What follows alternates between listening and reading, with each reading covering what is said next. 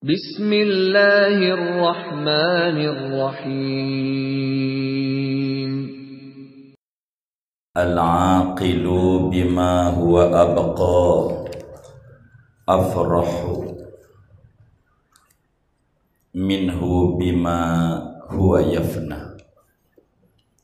Al-aqilu adapun orang yang berakal cerdas bima huwa abqa dengan sesuatu yang dia itu lebih kekal. Afrahu yaitu lebih gembira. Minhu ketimbang daripada daripada minhu lebih gembira daripada orang berakal. Bima huwa afna dengan sesuatu yang dia itu binasa jadi kata Imam Ibn Atta'illah Sakandari rahimahullah pada kalam hikmah kitab Tajul Arus ini ada orang itu disebut berakal ada orang itu disebut tidak berakal atau kurang cerdas. Siapa orang yang cerdas itu? Kata Imam Ibn Atta'illah, orang yang cerdas adalah al-aqil bima huwa abqa afrahu minhu bima huwa afna Orang yang berakal cerdas itu adalah orang yang lebih gembira dengan akhirat ketimbang gembira dengan dunia. Kembali kalau ada orang pagi-pagi datang ke rumah kita, dia ngetuk pintu rumah kita, dia ucapkan salam lalu bagi duit ama kita 5 juta katanya THR tendangan hari raya. Lalu sejam berikutnya ada yang datang ke rumah kita ketok pintu baca salam bawa mangkok. Pengemis datang. Katanya minta THR ini yang tadi memberi THR yang ini minta THR jadi minta. Itu dari dua orang ini kalau mau jujur nih sama kita yang ngaji yang paling nyes aja di hati. Yang pertama apa yang kedua? Yang pertama. Itu namanya orang yang tidak ada akalnya.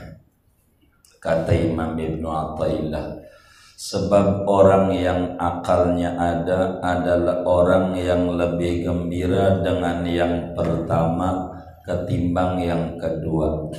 Sebab yang pertama adalah siap kita disuruh jadi kuda, dia jadi raja. Kita suruh nganterin barang dia yang dia bakal ambil di akhirat dan kita disuruh bawa-bawain barang dia jadi budaknya. Kalau yang kedua adalah orang yang cerdas sebab dia biar jadi raja ada orang siap mau nganterin barang kita uh, kemudian dia girang. Karena ada orang yang siap nganterin barang kita. Maka orang yang berakal cerdas adalah orang yang lebih gembira ketika ada yang minta ketimbang lebih gembira ketika diberi dan ini rahasianya kenapa kita walau baca waqiah sampai 40 kali semalam selama 40 hari puasa muti masih susah juga sebab antara mulut dan hati uh, berbeda. Mulutnya dengan sholat duha tuh minta kaya mulutnya dengan baca sholawat naria 4444 minta minta kaya. Dia dengan sholat duha minta kaya. Sampai dia baca dalail aja minta kaya.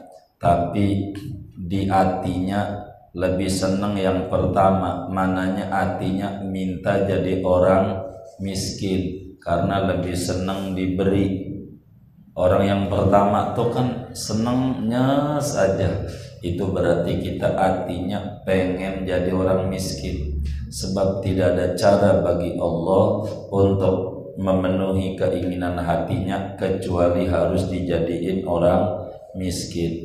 Kalau pribadi orang kaya orang yang akalnya cerdas adalah bima huwa abqa afrahu minhu bima huwa yafna orang yang lebih senang dengan yang abadi walal akhiratu khairun wa abqa akhirat itu lebih langgang lebih bagus lebih ini itu akhirat. Maka orang yang berakal cerdas adalah orang yang zuhud pada dunia gemar pada akhirat. Jadi al-aqil huwa zahid fid dunya ar-raghib fil akhirah Walidha yaqulu sayyidi ibnu Atta'illah al-aqil bima huwa abqa afrahu minhu bima huwa yafna. Bila kita sudah duduk pada akal yang cerdas, yakni otak kita akhirat menjadi prioritas. Prioritas. Qad asyaraqa nuruhu sungguh bersinar oleh cahayanya. Kalau sudah pada makom zuhud, cahayanya yang ada dalam hatinya keluar seternya. Wadhaharat tabashiruhu dan nampak oleh pembuktiannya yakni lahiriahnya diterima oleh orang karena hatinya lebih duduk buat Allah hati buat Allah sehingga kata Allah amma dunia ya dunia ukhdumi man khadamani wahai dunia ente kudu nurut ama orang yang nurut ama aneh. Tapi kalau ama orang yang nurut ama ente ente jangan mau nurut liar aja biar puyeng-puyeng dia. Oleh karena itu orang yang berakal cerdas akan bercahaya kalbunya dan pada pembuktiannya realitasnya dia bakal diterima. Kenapa? Fasod ah? apa tulis kita kita fasodda fasodda an hadhihi dari mulian wa a'rada anha mudiban fasadda maka menghalang-halangi oleh dia yakni menghabiskan oleh dia mulian padahal berpaling an hadhihi dar daripada ini negeri wa a'rada anha dan ia berpaling dari ini negeri mughdiban padahal benci. Orang yang akal cerdas wa idza tahaqqaqal 'abdu bihadzal maqam. Maqamu ma maqamul 'aqil alladhi yafrahu bima huwa baqa la yafrahu bima huwa yafna. Itu nanti dia bakal habis pikirannya bagaimana barang yang di dunia ini bisa dibawa ke akhirat. Makannya dia pakai baca bismillah biar nyangkut ke akhirat. Minumnya baca bismillah biar nyangkut ke akhirat. Dia pengen punya kendaraan biar dia gampang ngajinya biar gampang ini semuanya dilarikan ke akhirat. Begitu. Disuruhlah sekarang dengan adanya ganjil genap. Ini nggak bisa ngajarnya. Kalau ganjil doang kudu ditangkap melulu kudu dipenuhi. Itulah orang-orang yang berakal cerdas itu adalah orang apa saja dilarikan ke akhirat hatta sampai bersetubuh ama bini bukan sekadar memenuhi nafsu syahwat tapi pengen diberi anak keturunan yang rajin ibadah kepada Allah. Sehingga bersetubuhnya bernilai akhirat. Hatta dia jalan-jalannya olahraganya dan hatta dia tidurnya semuanya tidak mau dijadikan barang dunia tapi dijadikan barang akhirat andai dia mau tidur ya Rob kau suruh juga badan ini disuruh istirahatkan. Maka saya mau memeremkan badan ini sebagai menjalankan perintahmu agar supaya saya besok lebih semangat lagi ibadah. Itu orang-orang yang melarikan ke akhirat. Enggak kayak kita habis main game sampai mobil legend menjalan sendiri dia tidur sampai yang kayak begitu. Ada nggak yang kayak begitu wa a'radu anha yang namanya dunia dia kurang begitu mau dia benci dia. Sehingga falam yattakhidha watanan maka tidak menjadikan oleh dia akan ini negeri watanan akan tanah air. Jadi tempat tetap. Wala ja'alaha sakanan dan tidak menjadikan ia akan dunia sakanan akan tempat kediaman. Dia tidak mau seperti apa yang Nabi sampaikan kepada Sayyidina Abdullah bin Umar radhiyallahu taala. Nabi bilang kun fid dunya. Kun fid dunya. Ha? Ha? Uh, kun fid dunya. Ghariban gimana? Redaksi di sini itu kun? Fid dunya? Ka'annaka gharibun aw abir sabil. Ya jazakallah khair. Kun fid dunya ka'annaka gharibun. Hendaklah anda di dunia ini seperti perantau. Yang namanya perantau ingat kampung halaman. Sehingga diam ini sebentar tidak menjadi tempat asik hanya persinggahan saja tidak mau waktunya dihabiskan buat dunia. Begitu au abiru sabil atau orang yang lewat jalan. Yang namanya lewat doang sekali lewat maka apa saja yang ada kalau bisa dibawa pulang dibawa pulang. Itulah orang yang berakal cerdas. Apa saja yang bisa dibawa ke akhirat bawa ke akhirat semuanya. Enggak dijadikan dunia menjadi bahan tujuan tapi dunia menjadi bahan persinggahan tempat mampir saja sebentar. Bal anhadul himmata fiha ila Allah taala wa sara ilaih musta'inan bihi fil kudubi alaih. Bahkan bangkit ia membangkitkan ia akan semangatnya pada di dunia ini menuju kepada Allah Ta'ala dan berjalan ia ilaihi menuju kepada Allah musta'inan bihi padahal meminta tolong dengan Allah fil qudumi alaihi pada datang menuju kepada Allah sehingga orang yang berakal cerdas adalah bagaimana barang yang di dunia ini harus diangkut ke akhirat jadi apa saja semuanya harus menjadi barang akhirat. Jadi dunia kalau untuk akhirat sama dengan bukan dunia. Dunia untuk dunia, duit buat hiburan, duit buat nafkah, duit buat agama, duit buat sodako, duit buat berbagi, duit buat ziarah ke Rasul, itu namanya disebut akhirat. Apa saja orang yang akalnya cerdas dilarikan ke akhirat. Kemudian famazalat maqtiyatu azmihi la yaqirru qararuha. Daiman tis ruha. Ila an anakhat bihadratil qudsi wa bisatil unsi mahallil mufatahati wal muwajahati wal mujalasati wal muhadatsati wal musyahadati wal mulatafati fasaratil khadratu ilaiha yaqbul wa fiha yastautinun. Maka tidak henti-henti oleh kendaraan semangatnya si akil la yakiru qararuha.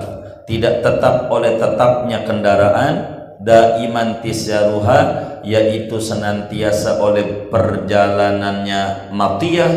Ila an anakhat sampai bahwa berlabuh oleh matiyah bi hadratil qudsi di keharibaan kesucian Tuhan wa bisatil unsi dan hamparan keintiman Tuhan mahallil mufatahati tempat membuka jalan dengan Tuhan wal muwajahati dan tempat berhadapan dengan Tuhan wal mujalasati tempat duduk bersama Tuhan wal muhadasati tempat bercakap-cakap dengan Tuhan wal musyahadati tempat menyaksikan keagungan Tuhan wal mulatofati dan tempat berkasih-kasihan dengan Tuhan. Fasaratil hadratu maqsisa qulubihim. Maka menjadilah hadrat kudus itu sarang kalbu mereka. Ilaiha ya'un kepada hadrat itu mereka berdiam. Wa fiha dan pada hadrat itu mereka hmm, bertempat tinggal artinya orang yang berakal cerdas adalah orang yang semangatnya tidak terbatas pada kehidupan dunia.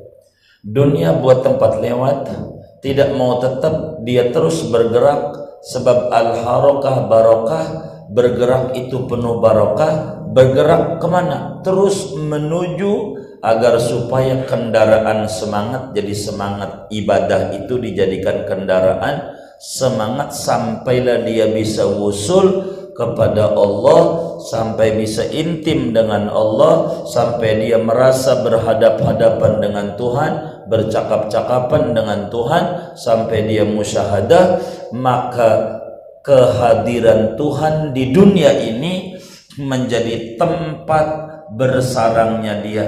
Asiknya dia hidup di dunia bukan karena dunia. Karena asiknya di dunia masih diberi kesempatan ibadah oleh Allah. Sebab dunia darul amal la jazaa fiha dan akhirat darul jaza la amal fiha.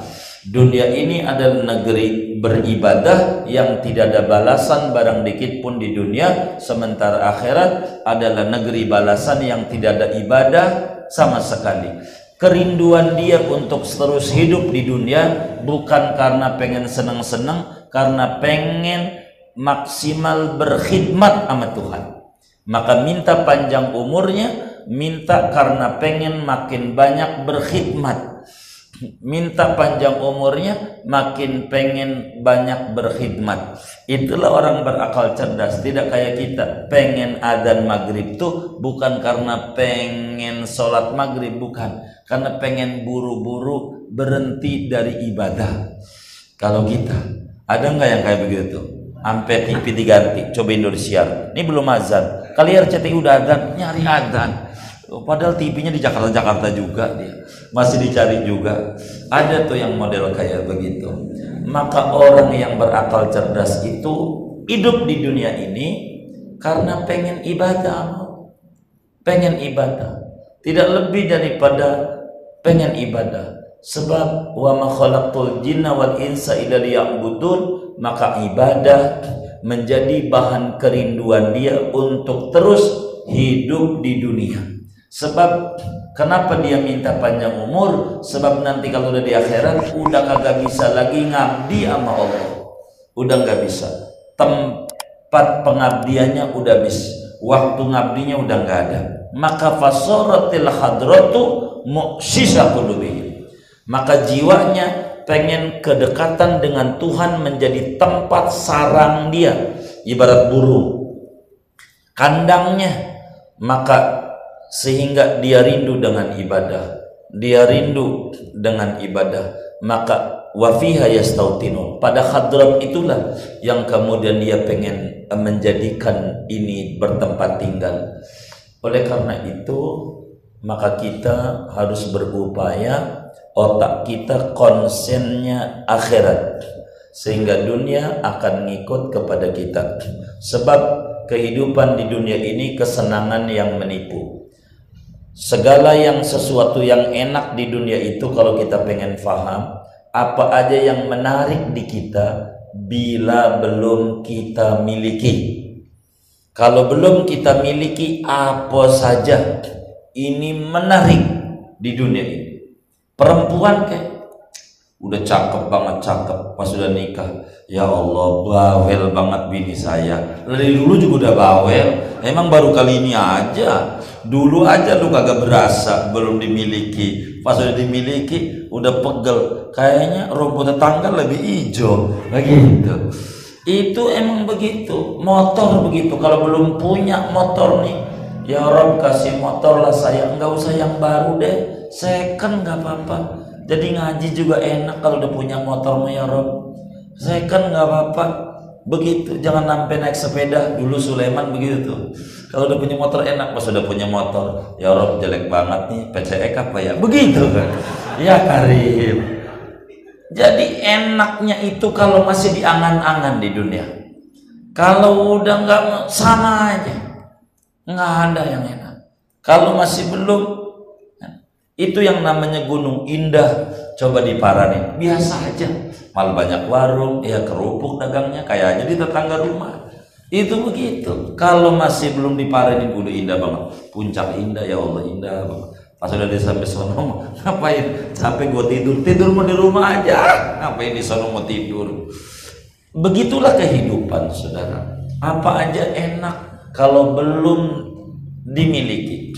Kita belum punya mobil, enak kali kalau punya mobil. Kalau punya mobil, ya Allah macet lagi ya enakan motor juga. Begitulah kehidupan itu terus aja dunia itu. Jadi angan-angan saja. Fa in nazalu ila sama'il huquqi au ardil hududi. Maka jikalau mereka itu turun singgah ke langit hak-hak dan kewajiban Tuhan. Au ardil hududi atau turun ke bumi bagian-bagian nafsu. Fabil idni wa tamkin maka dengan izin Allah dan dengan kemantapan iman. Warusuhi fil yakin dan mantap pada keyakinan. Fala yanzilu ilal huquqi bisu'il adab wal ghaflah maka tidak singgah oleh mereka tidak turun mereka kepada hak-hak dan kewajiban dengan buruknya adab dan kelalaian. Wala ilal hududi bisyahwati wal mut'ah dan tidak kepada bagian-bagian nafsu dengan syahwat dan senang-senang belaka. Bal dakhalu fi dzalika kullihi billah walillah wa minallah wa ilallah. Bahkan mereka masuk pada yang demikian itu seluruhnya dengan memohon pertolongan Allah dan ikhlas karena Allah berangkat dari Allah dan menuju kepada Allah. Sehingga seorang hamba yang berakal cerdas itu kata Imam Ibnu Athaillah As-Sakandari dia ke mana saja larinya kepada Allah. Itu yang disebut wabtagi fima atakallahu dar akhirah wala tansa nasibaka minat dunia. Jadi konsennya tetap akhirat dan tidak melupakan kodrat dia hidup di dunia. Waktunya makan makan waktunya minum minum waktunya istirahat istirahat.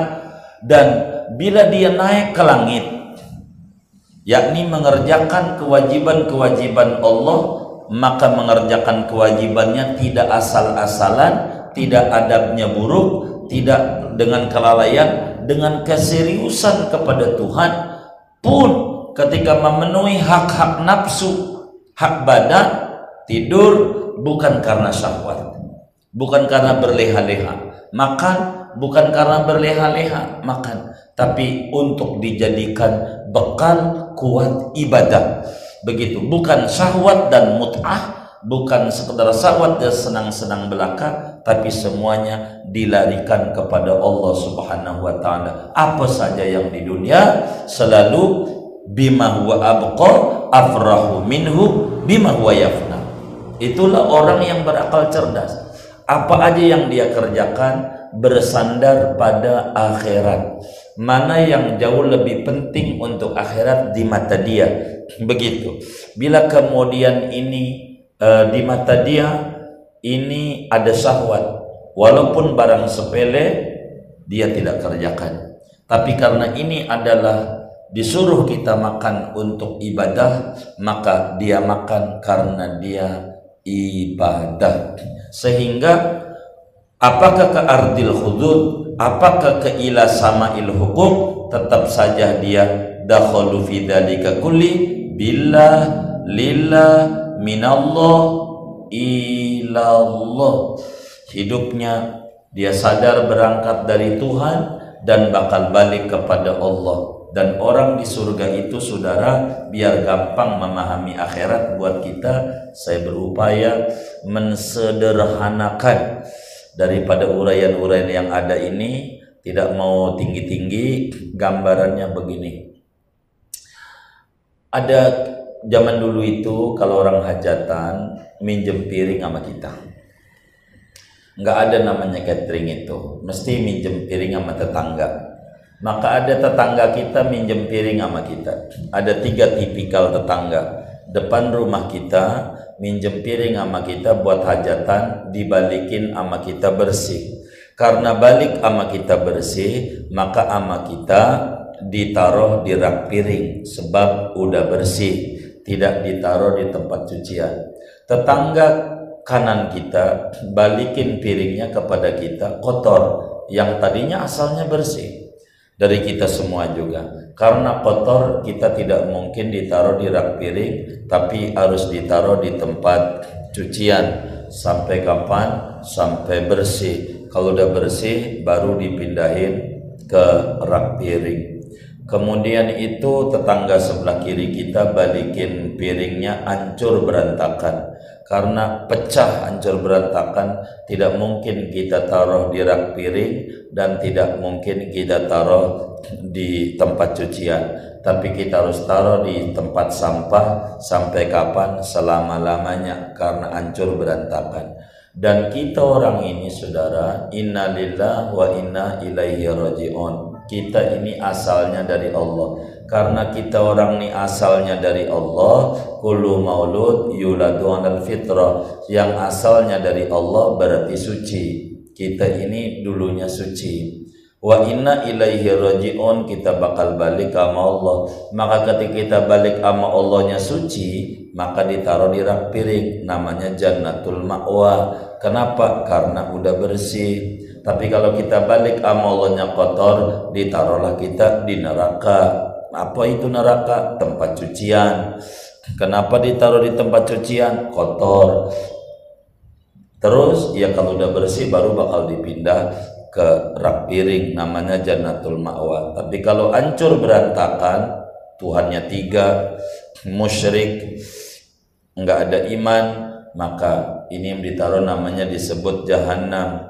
Ini namanya tempat sampah. Sampai kapan? Khalidina fiha abada maka orang-orang yang berakal cerdas dakhalu fi billah lillah minallah dan ilallah fa iyyaka ya akhi an ilal waqi'ina fi hadhihi taifah maka takutlah olehmu wahai saudaraku akan bahwa mendengarkan oleh kamu ilal waqi'ina fi hadhihi ta'ifa kepada orang-orang yang mencibir pada ini kelompok sufi.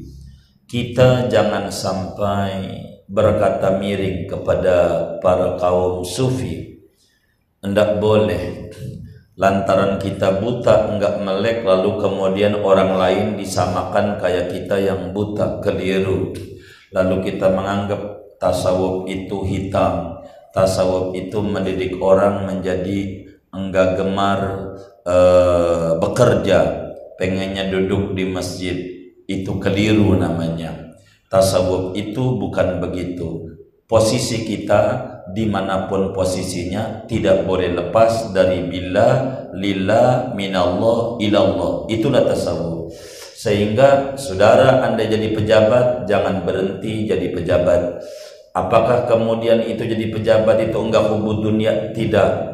Kasal saudara bila lillah minallah ilallah. Sebab Umar bin Khattab juga pejabat dan dia sufinya tinggi. Utsman bin Affan kaya raya juga pejabat, itu juga sufinya tinggi. Bukan di jabatannya, tapi di sikap hati mensikapi amanat jabatan. Di sanalah posisi kita bukan kita ninggalin dagang udah kalau pengen tasawuf mau berhenti aja dagang pakai baju compang camping yang jelek yang dekil yang kumel biar dikata sufi. Iya ente sufi sulit finansial.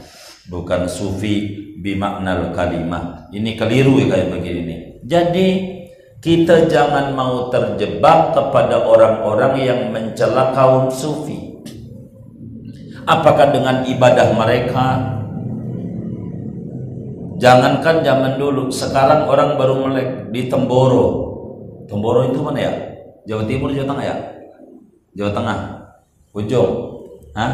Jawa Tengah ujung ya? Iya. Sampai sekarang nih kalau Ramadan ada masjid-masjid yang sholat terawih sequran khatam. Kelar jam 3 dari habis sisa. Sequran. Sampai di malam yang dulu-dulu diingkari sekuran hatam apa ya itu ada di Banten itu cuman Buya Dimiati aja. Enggak kuat makmumnya pada jatuh. Santri-santrinya tuh pada tidur nggak kuat. Terawih kayak begitu. Begitu. Kalau maulid enggak ada. Saya belum temukan juga di Jakarta ini maulid kayak Buya Dimiati. Begitu. Kalau Buya Dimiati maulid itu dari habis isak kelar-kelar jam 2 sebuku itu habis habis. Kalau kita kan dicomot-comot ya. Lang, udah langsung itu aja. Fahina korub aja. Kelamaan. Begitu kalau kita. Kalau itu dari awal. Pokoknya jam 12 baru kiam. Dari isa tuh. Kalau bisa. Itu nggak berhenti nggak mau emang begitu. Kita jangan mau nyela-nyela orang sufi. Yang pengarang doa ya Rabbana tarafna Al Habib Abdullah bin Husain bin Tahir Al Haddad itu dalam sehari beliau baca la ilaha illallah paling dikit 25 ribu kali. Salawat Nabi paling dikit 25 ribu kali. Salat paling dikit 300 kali. Yang kagak aja. Itu kita yang kagak gitu. Ini bukan kelasnya kita. Emang dia mereka dikasih waktu yang barakah Kelas kita aja bisa diukur kalau sedikit walaupun baina sama wasumur orang dikasih waktu 24 jam sama kayak kita. Tapi ada yang nggak dikasih kesempatan buat ngaji, kita kasih kesempatan bisa. Nih digunain. Ini kan berbicara barakatul wakat. Ini kan beda. Beda. Itu yang namanya Habib Gresik Abu Bakar bin Muhammad As-Segaf. As-Segaf Gresik tuh makam depan. Itu kalau baca dalail sehari lima kali hatam. Sehari itu lima kali hatam. Muridnya beliau Habib Soleh Tanggul itu lima kali hatam. Baca dalail itu lima kali hatam. Begitu. Itu baca dalail. Kalau yang punya simtud durar Habib Ali bin Muhammad bin Hussein Al-Habsyi itu kalau baca di dalail di Raudhah itu kalau belum sepuluh kali hatam belum geser-geser itu emang begitu. Gitu. Mereka mereka sufi itu sampai baca dail itu bisa lima kali sehari. Kalau kita bacaan yang sehari lima kali. Sama juga sih. Sama juga. Kalau dia lima kali hatam. Kalau kita bacaan sehari dibikin lima kali. Emang emang sama juga. Gitu. Jadi beda tipis. Itu mereka itu kita jangan mencela sama kaum sufi dengan sholatnya mereka. Imam Syafi'i radhiyallahu taala wa ardo dari Hijir Ismail sampai Maqam Ibrahim 70 kali hatam Quran. Itu dari Hajar Aswad ke Hijir Ismail itu dikit. Bagaimana mungkin? Ini kelas lain. Mereka namanya disebut tayyuz zaman barakatul waqt. Jadi bisa menyingkat waktu. Begitu Allah kasih. Jadi bisa mulur begitu. Semenit itu bisa menjadi sejam di mata mereka. Begitu. Yang kita sejam jadi semenit. Begitu. Artinya kita bisa nyingkat waktunya. Umur kita tuh isinya kosong. Tahu-tahu udah rambut ubanan aja. Belum ada ibadah. Kita tuh begitu. Kalau sufi enggak. Emang mereka ibadah. Imam Ahmad bin Hanbal murid Imam Syafi'i itu dari umur 8 tahun sholat tahajud 300 rakaat sholat malam 8 tahun sampai umur 80 nggak kurang tuh tiap malam udah umur 80 150 rakaat menjelang wafat karena udah loyo sekali. Kita nggak boleh mencela. Kata Imam Ibn Athaillah fa iyyaka ya akhi an tusghiya ila alwaqi'ina fi taifah. Mencela kepada kaum sufi itu jangan. Jangan. Kita minimal mahabbah dulu dah. Mahabbatul aulia. Sebab kalau berbicara ibadatul aulia udah susah sekali. Bukan kelas kita. Aulia itu diberikan barokatul waqt. Barokatul waqt. Itu aulia. Begitu, aulia.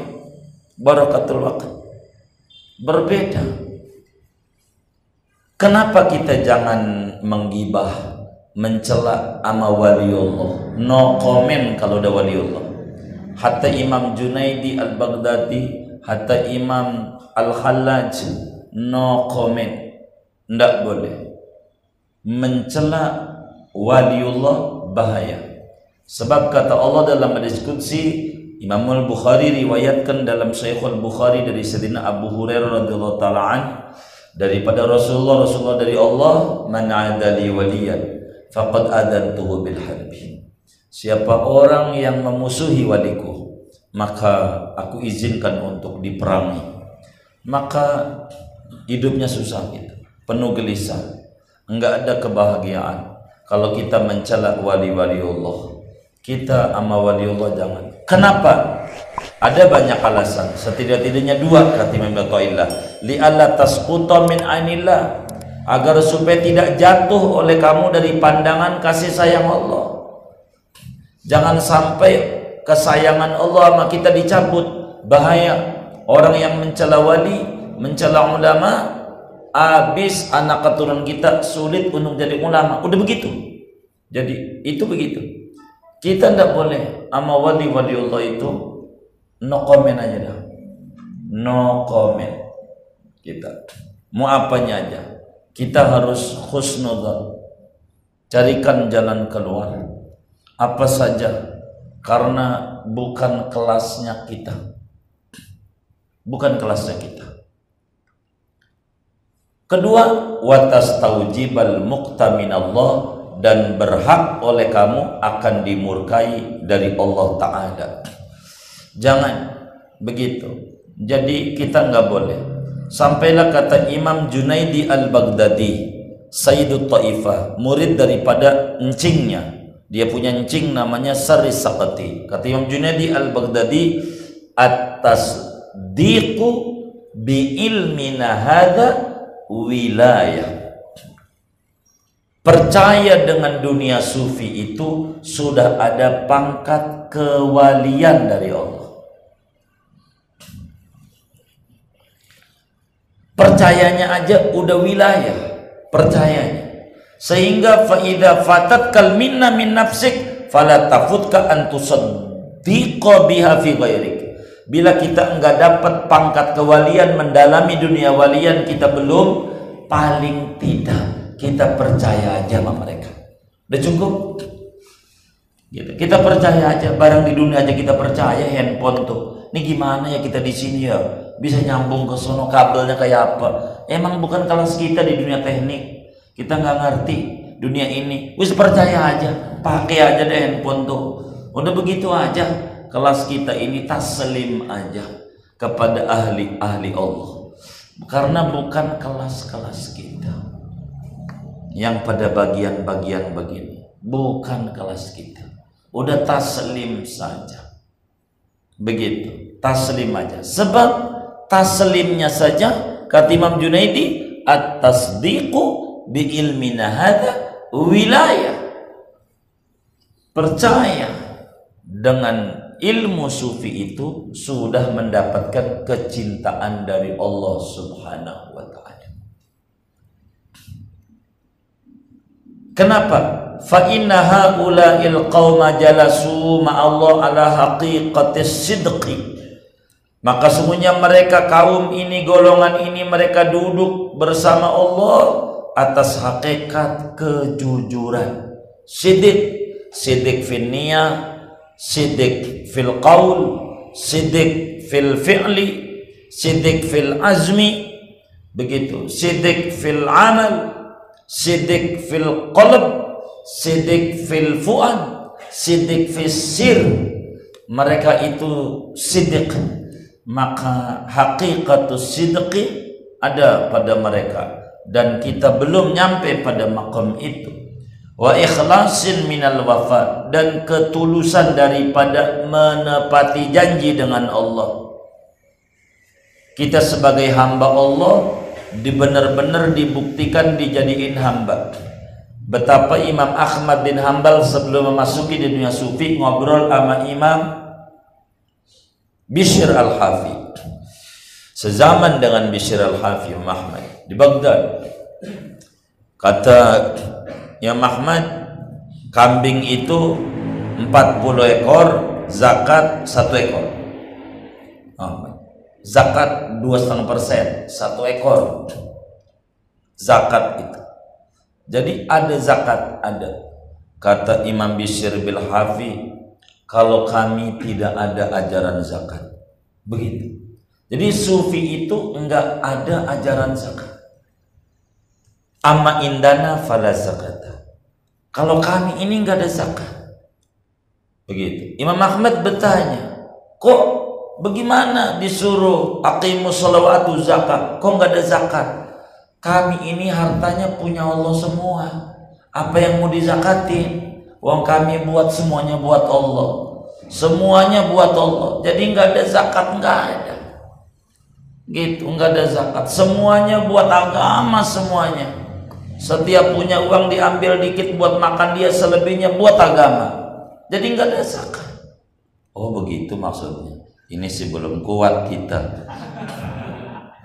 iya, belum kelasnya kita itu. Nggak ada zakat nih, belum kelasnya. Itu mereka begitu. Kita nggak ada. Al malu malullah. Loh, malullah yang zakatin Allah ya. Kita nggak ada zakat punya Allah ya. Begitu. Muanya. Maka Bishr al-Hafi. al-Hafi itu nyeker nyeker kenapa? Duitnya sendal aja gak beli buat agama aja dia. Bishr itu torekatnya kayak begitu. Torekatnya Bishr al-Hafi itu kayak begitu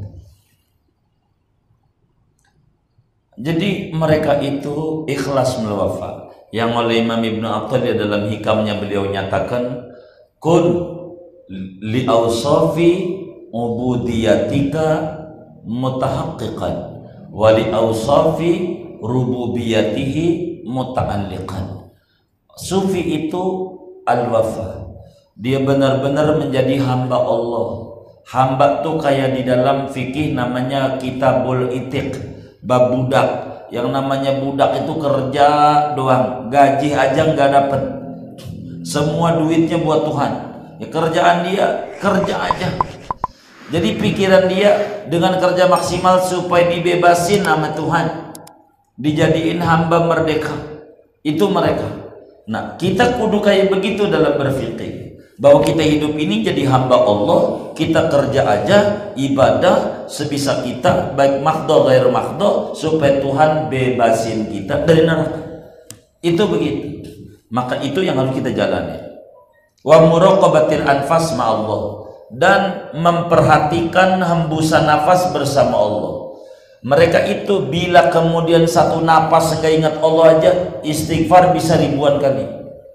Kalau kita ya Allah, zikir aja nggak ingat Allah lagi zikirnya itu. Nggak ingat, ingat warung mulu. Padahal mulu la ilaha illallah, warung sepi ya Allah. La ilaha illallah, warung yang diingat bukan Allah, itu kita kelasnya. Dan kita percaya aja sama sufi Udah percaya dulu dah.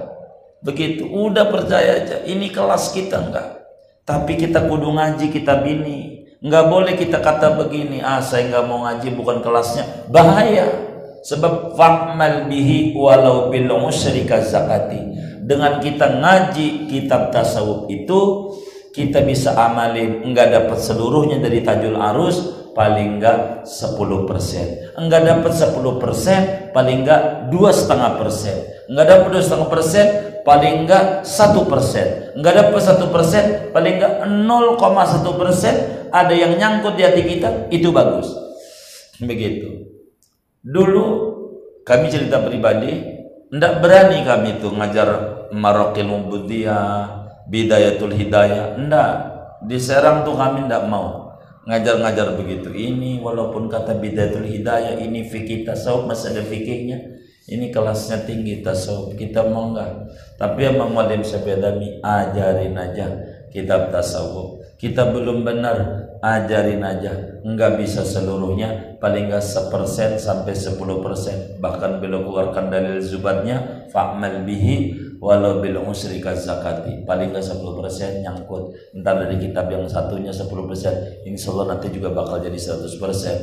Jangan dilawan nggak berani. Nantinya kita bakal jauh daripada Allah subhanahu wa ta'ala. Amalin aja dikit demi dikit. Enggak apa-apa. Nggak apa-apa kalau kemudian kita kudu suci dulu nggak bisa kita untuk begini. Berat kita yang kayak begitu berat. Begitu. Qad sallamu qiyadahum ilaih. Sungguh menyerahkan mereka akan tali kekang mereka kepada Allah. Mereka udah manut aja sama Allah. Terserah Allah. Dibelokin ke kanan kanan dibelokin ke kiri ke kiri. Dikasih ujian nggak apa-apa ini yang muji Allah anggap aja dicubit. Maka mereka enggak gusar seperti Imam Ibnu Athaillah kata di dalam hikamnya inna uh, liyukhaffif alamal balai minka ilmuka bi annahu subhanahu wa ta'ala huwal mubli. Keyakinan anda yang memberi ujian wabah ini adalah Allah akan meringankan derita beban derita dari Anda. Biasa aja jangan berlebihan. Makhluk ini corona kita juga makhluk. Kalau makhluk jangan takut sama makhluk takutnya sama kholik sekedar aja. Waspada perlu berlebihan jangan. Itu begitu.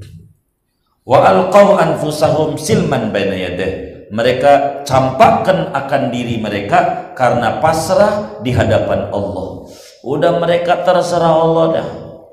Mereka udah kayak mayit di hadapan yang memandikan. Itu sufi. Yang namanya mayit terserah yang mandiin aja dah. Mau digantungnya ke sumur, terserah dia. Mau lagu apa terserah dia. Dulu ada pengulu di Bayoran tuh orang nanya kata almarhum Ustadz Haji Sedli kawa tuh kebun mangga pokoknya anak-anakku kalau saya mati nggak usah dikubur ente taruh atas pohon nggak apa-apa itu bahasanya selalu begitu. Anaknya nanya itu apa itu maksud bapak itu? Iya itu bukan tugas dia. Tugas ente. Ente taruh di atas pohon ente dosa. Ente kubur ente dapat ganjaran. Karena dia mah udah gak ada kepentingan. Terserah ente mau di atas pohon kayak kagak apa-apa gua mah. Sedih itu. Begitu ngomongnya. Gua udah mati. Terserah yang hidup. Mau digimanain kayak begitu begitulah kita di hadapan Allah. Para sufi itu di hadapan Allah tuh udah kayak mayit. Terserah Allah. Mau dilagui apa kayak terserah Allah. Lillahi ma akhoda walillahi ma ato mau diambil mau di ini terserah Allah dah. Kita adalah makhluknya. Dititipin doang. Itu kayak begitu. Kalau bahasa ke Zainuddin kayak tukang parkir. Begitu. Mau banyak mau dikit sama aja. Di mata dia. Begitu wa tarakul intisara li anfusihim hayaan min rabbihim. Dan mereka meninggalkan akan pembelaan bagi diri mereka. Hayaan karena malu min rabbihim dari Tuhan mereka.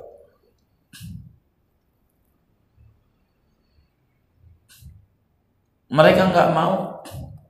Andai ada orang zalimin mereka anggap aja dah jenggot dicukur. Ini sendal hilang wah jenggot dicukur. Ini mau banyak nih. Begitu aja nggak mau nyumpain mampus nih. Yang nyolong nih mampus. Nggak disumpahi juga bakal mampus. Jangan kan dia kita aja bakal mampus juga ya kan? Nggak usah. Mereka tuh begitu. Fakana huwal muhariba anhum liman harabahum wal ghaliba liman ghalabahum. Begitu ya? Betul nggak? Ah, baik. Maka adalah Allah dia adalah Allah Rabb yaitu yang memerangi daripada mereka bagi orang yang memerangi akan mereka dan yang memenangkan bagi orang yang mengalahkan oleh orang akan mereka. Jadi Allah lah semuanya terserah. Terserah Allah. Mau digimanain aja. Jadi itulah yang disebutkan itu dalam Al-Quran pas surat Haji ayat 38 Innallaha yudafi'u anil ladhina amanu Innallaha la yuhibbu kulla khawanin kafur. Begitu kata Allah. Allah itu bakal membela kepada orang yang beriman. Allahu waliyul ladhina amanu. Jadi sehingga mereka terserah Allah aja. Kalau bahasa Jawanya Allah memboten sare. Mereka selalu dasarnya itu. Allah nggak tidur. Siapa nanam berenuk pasti buahnya berenuk. Tanpa kita sumpahin biar jadi berenuk, entar juga berenuk.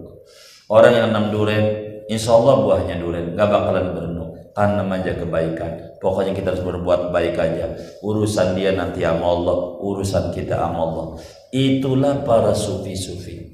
Mereka begitu. Kepentingan dirinya banyak terkalahkan. Walaqad ibtalallahu hadhihi ta'ifata bil khalqi khususan wala siyama ilmi. Dan demi sungguhnya menguji coba oleh Allah menguji oleh Allah akan ini golongan dengan makhluknya khususan khususnya wala siyama apalagi ahli ilmi ahli ilmu. Kadang ini masalahnya keributannya daripada para wali-wali Allah itu yang bakal mencela ujian besar bagi makhluk terlebih lagi bagi orang-orang yang mengaji. Kiai kadang mencela yang kayak begitu wali gue juga bisa begitu kata dia.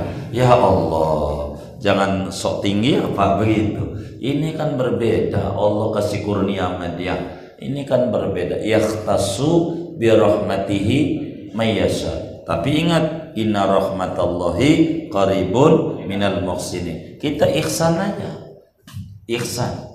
Ntar juga nanti nanti dapat yang tasubi rahmati yang seperti dia dapat. Begitu aja. Jangan mengingkari amat dunia sufi. Tidak boleh. Seperti kayak maulid galam mengingkari. Jangan. Udah kita percaya aja dah. Kita orang nih yang bagus kepada sufi itu kayak bayi aja. Atau kayak anak umur tujuh tahun yang diajak jalan-jalan oleh babanya keragunan. Ketika babanya dekat kandang macan lari maka si bocah ini ikut lari ketika ditanya kenapa kamu lari baba lari itu lebih selamat dibanding bocah pakai kenapa enggak lari saya belum tahu alasan kenapa bapak lari diterkam macan maka kita jangan udah kita percaya sama sufi Udah percaya aja, ulama aja percaya sama sufi. Itu kayak begitu. Imam Ghazali aja ahli fikih ketutup oleh ketasawufannya. Ibnu Athaillah ahli fikih Maliki ketutup oleh ketasawufannya. Ketutup, ketutup habis. Ketutup habis.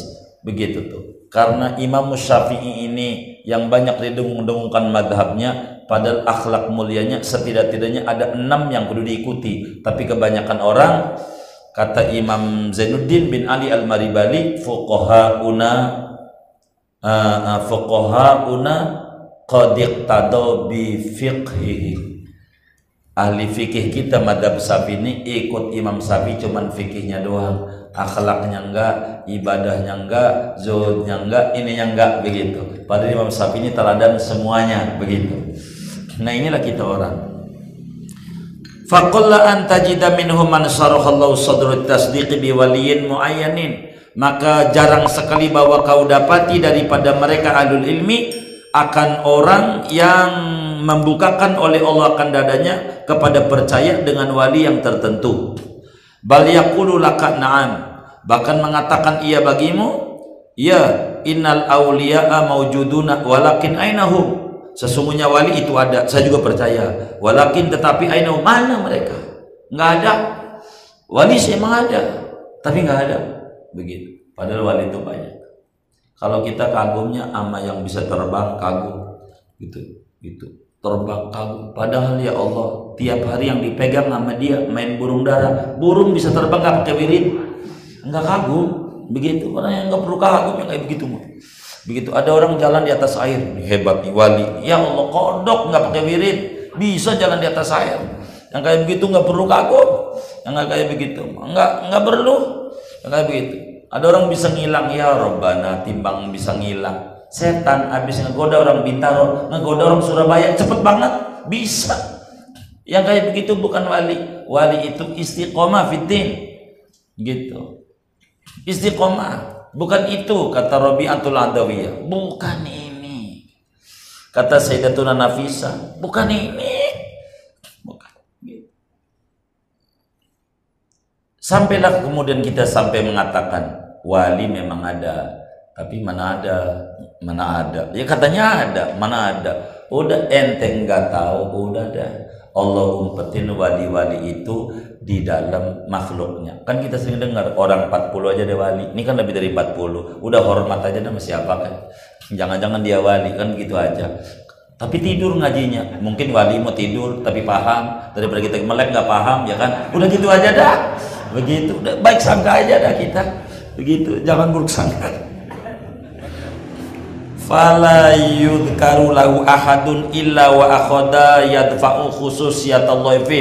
Talqal lisan bil ihtijaj ariyan an tasdiq. Fadhar man hadha wasfu wa firra minhu firaraka minal asad. Maka tidak disebutkan baginya oleh seorang pun daripada waliullah melainkan mengambil ia mulailah ia wa akhada mulailah ia akhadatu fil suruh yadfa'u yaitu menolak oleh dia akan keistimewaan Allah padanya talqal lisani uh, uh, lancar lidahnya bil ikhtijaji dengan mencemooh. Arian anitasdiki kosong daripada percaya. Fakhdar man wasfuh maka takutlah olehmu akan orang yang adapun ini yaitu ciri-cirinya. Wa firra minhu firarakan asad lari kamu daripadanya seperti larinya kamu dari macan.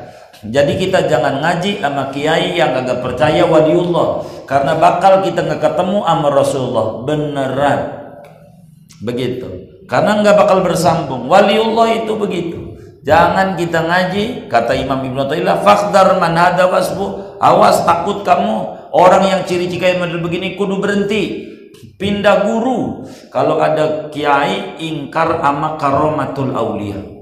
Allah tulis dalam Al-Quran bagaimana tidurnya Ashabul Kahfi 309 tahun walabisu fi kafihim salah samiatin sinina wazdadu tis'ah ini tulis menunjukkan karomatul aulia itu ada.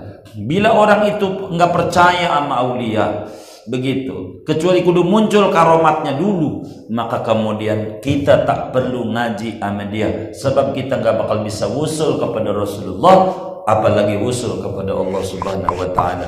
Justru firra minhu firara kamil asad. Kita kudu lari jauh menjauh kita dari macan. Itu mau corona yang akan jelasan. Udah lari dari macan lari dari macan. Begitu. Bukan ini yang model kayak begini nih. Nakut nakutin orang. Begitu yang gak kagak sholat lima waktu ya Allah renggang. Habis itu dohor sholat jenazah. Rapat. Mana yang fardu ain mana yang fardu kifayah. Kagak paham. Firra minhu firaraka minal asad. Habis itu tahlilan lebih rapat lagi. Mana wajib mana sunat Firra minhu firaraka mil asad. Bahaya. Yang model kayak begini. Ini Ibnu Athaillah yang ngomong ya. Kita menyampaikan doang. Tapi Bang Masud nyuruh udah. Udah katanya ya deh bagi saya udah dah. Istirahat dulu katanya. Wallahu a'lam